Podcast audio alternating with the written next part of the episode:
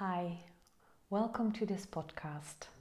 My name is Katrien van Gijstelen and I call myself a voice whisperer.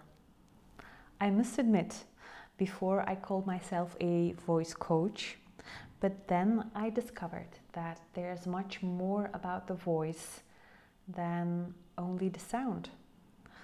What I'm interested in is the person behind the voice. Your voice does not lie. It tells me and your audience about your thoughts, your confidence, your feelings, and your emotions. And the more your voice can resonate with who you are, with your personality, then the more you will resonate with your audience and the more impact you'll create with your message. And for me, that is what it's all about. Who are you? And what do you want to tell the world? That's actually maybe the core of my business. I've always had a, an interest in people. And what I see now is, or what I hear, is that a lot of people are under pressure or at least most of the voices in the Western countries are under pressure. I see a lot of people um, giving their voice away, putting so much pressure on the vocal cords. It's like they're always in a convincing mood or a convincing state.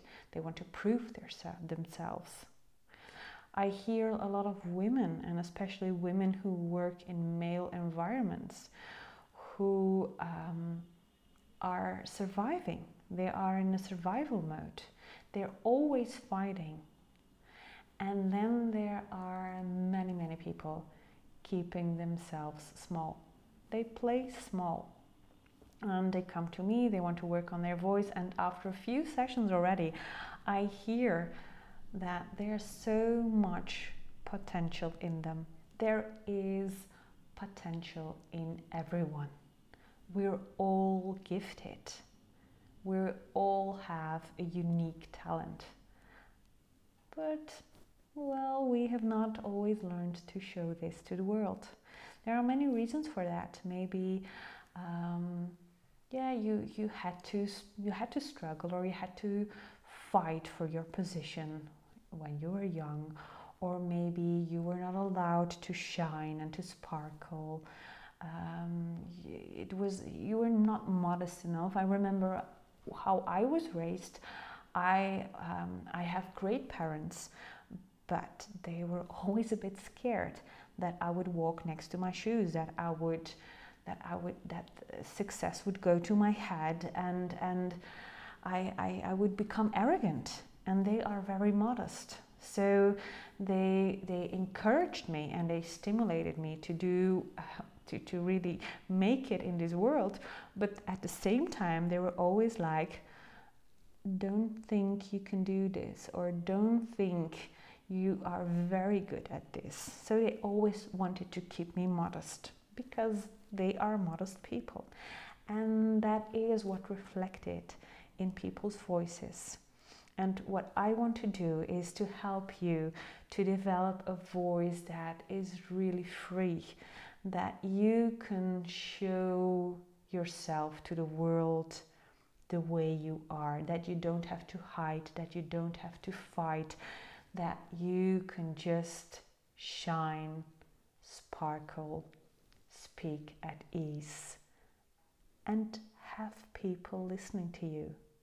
To stay there, to take your space, to don't feel ashamed about it, or don't have to push on the table or slap on the table.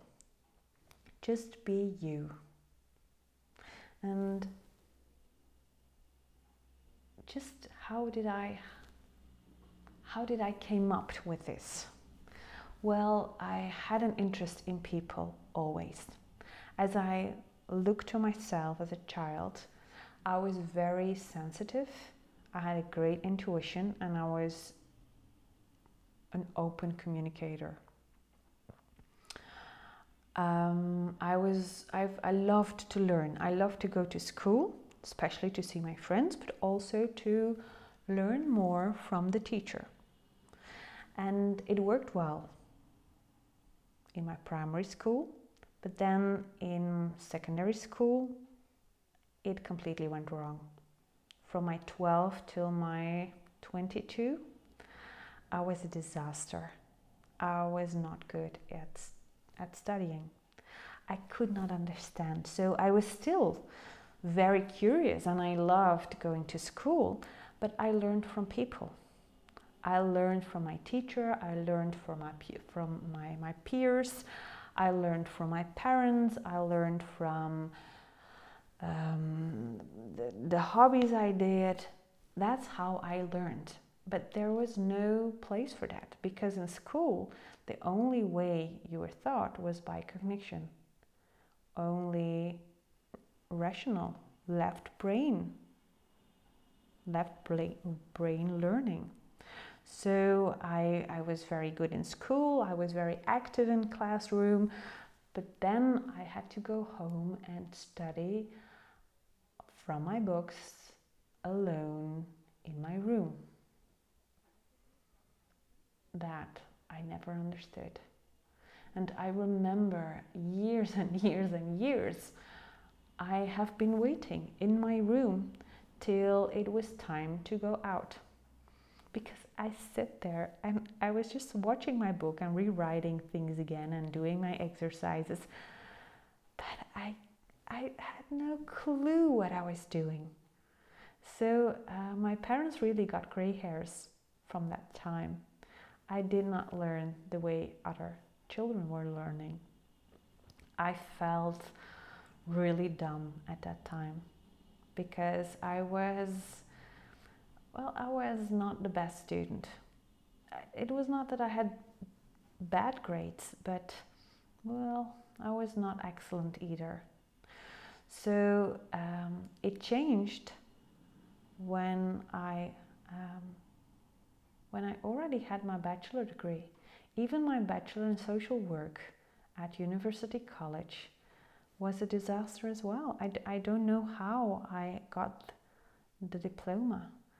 I learned because I went to the classes and I listened to the professors, but back home, I was just sitting there in front of my books yeah, really studying everything from my head. And then I went to the exam and hoped they would ask the good questions. What I what I learned more of was, and I still remember this, we had practical classes. I still remember that, and I, I've learned most of, of my of my of my study out of these classes. I still remember that. And I guess that's also the reason why my first job, I really got a job with a lot of responsibility. Though I was still, I was 21, just 21, and I, I, I just graduated and I got this job with responsibility because that's what I could. I could read people, I could listen to people. And the job I got when I was 21 was working with people who committed a crime.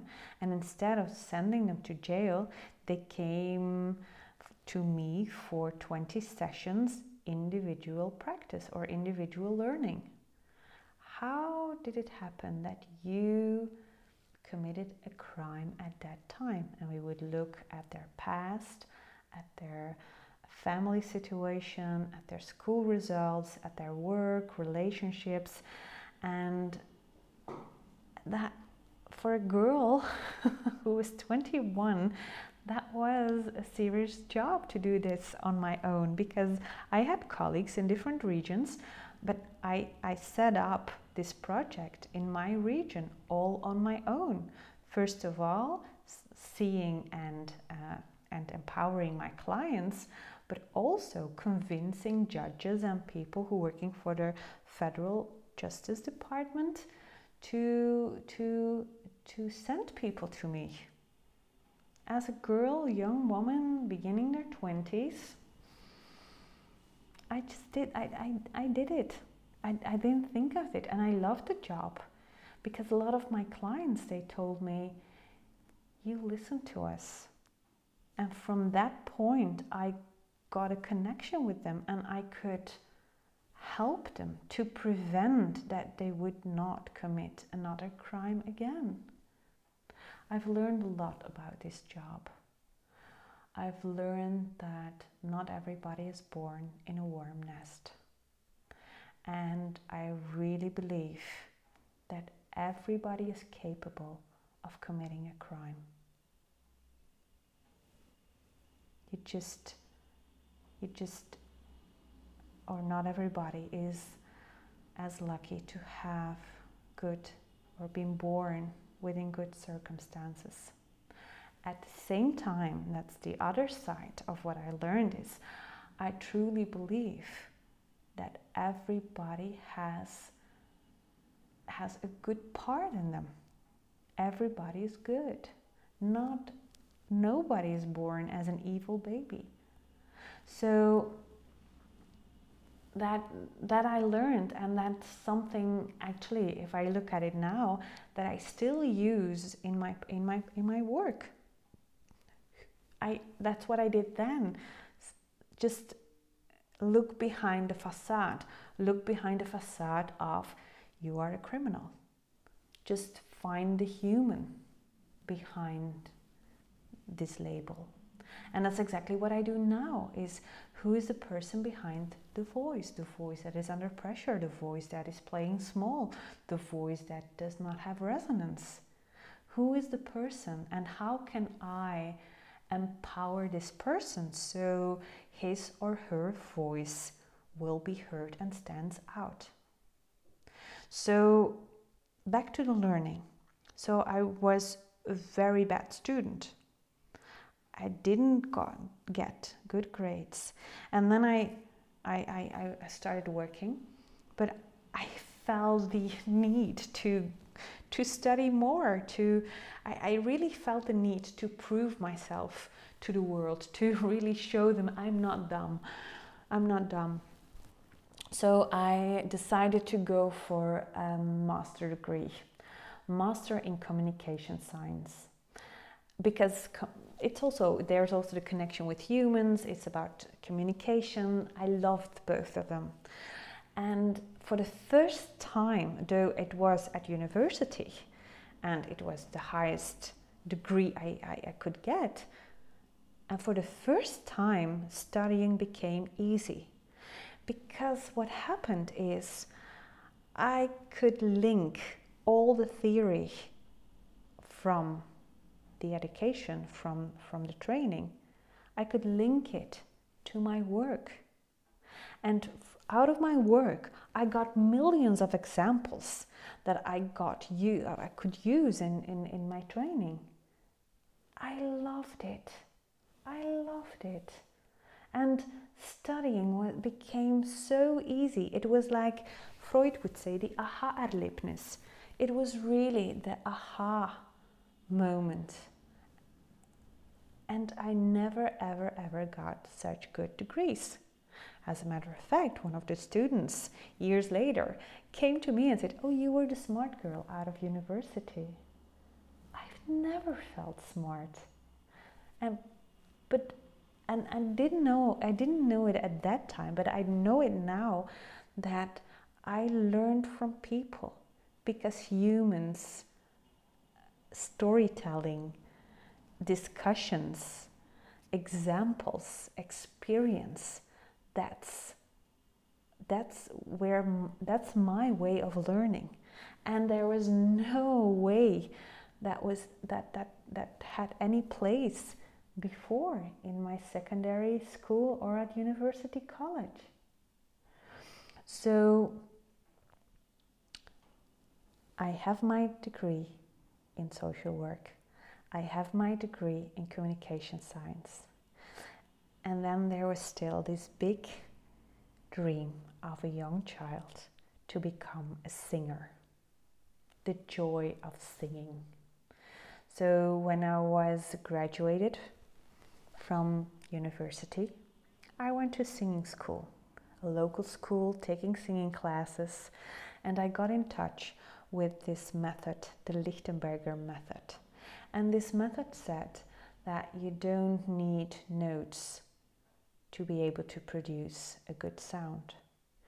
You don't need a tone to be able to produce a good sound. So, years later, I went to Germany and I had my training there. I followed their programs. And all the pieces of the puzzle fell together because I remember our, my, my first seminar, Frau Rohmert, the founder of this institute, she said, We don't have handouts, we don't have books. You can take notes, but actually, we would advise you not to. And they would give lectures and then um, bring this bring the, the knowledge of this of the lecture into practice by singing. And the only thing they would ask us is what do you feel? What do you hear? What is your observation? They kind of took my way of learning to another level.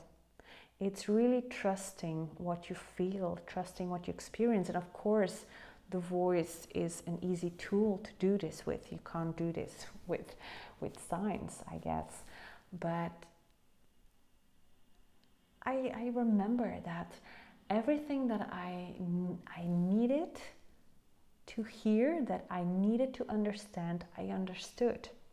And I remember also um, presentations that I didn't understand anything. And, and I've learned to be okay with that, not to go and look it up and be anxious that I didn't understand, but I, I, I trusted that one time it would come that I would understand it, and it did.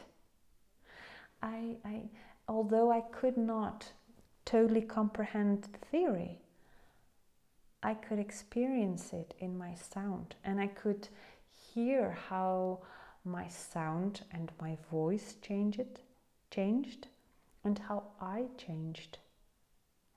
And that was so wonderful to really trust on your own observations. Not only what your left brain tells you, but also what you experience in your body and what what your right part of your brain tells you, what your soul, your intuition tells you. Because that's what that's what this work does. It brings you to your core, it brings you to your inner voice. And the moment you discover that, the moment you discover that everything you need exists within you, that you don't have to push yourself, that you don't have to give yourself away, but that the key to sparkle, to shine, is to change direction. Do not push yourself into the world, but work on yourself, go inwards, and make yourself, your inner voice, so powerful, so resonant with who you are with your communication, with your leadership, with your negotiation. And that's where impact is, that's where success is. No more hiding. And that's what I learn in my work. Combination of who you are, your feelings, your emotions, your intuition, your inner voice. Link it to a voice that resonates, and then bring this out in the world through your communication. That's where the magic happens. So learn and trust that everything you need exists within you. If you want to know more about this, I have written a lot of blogs, a lot of stories about my work on my website www.sparklingvoice.be. This is the first, this was the first of may, maybe much more, many more podcasts to come. So keep you posted and uh, follow me on LinkedIn or Instagram to hear more about this. Hope to see you or hear you another time. Bye.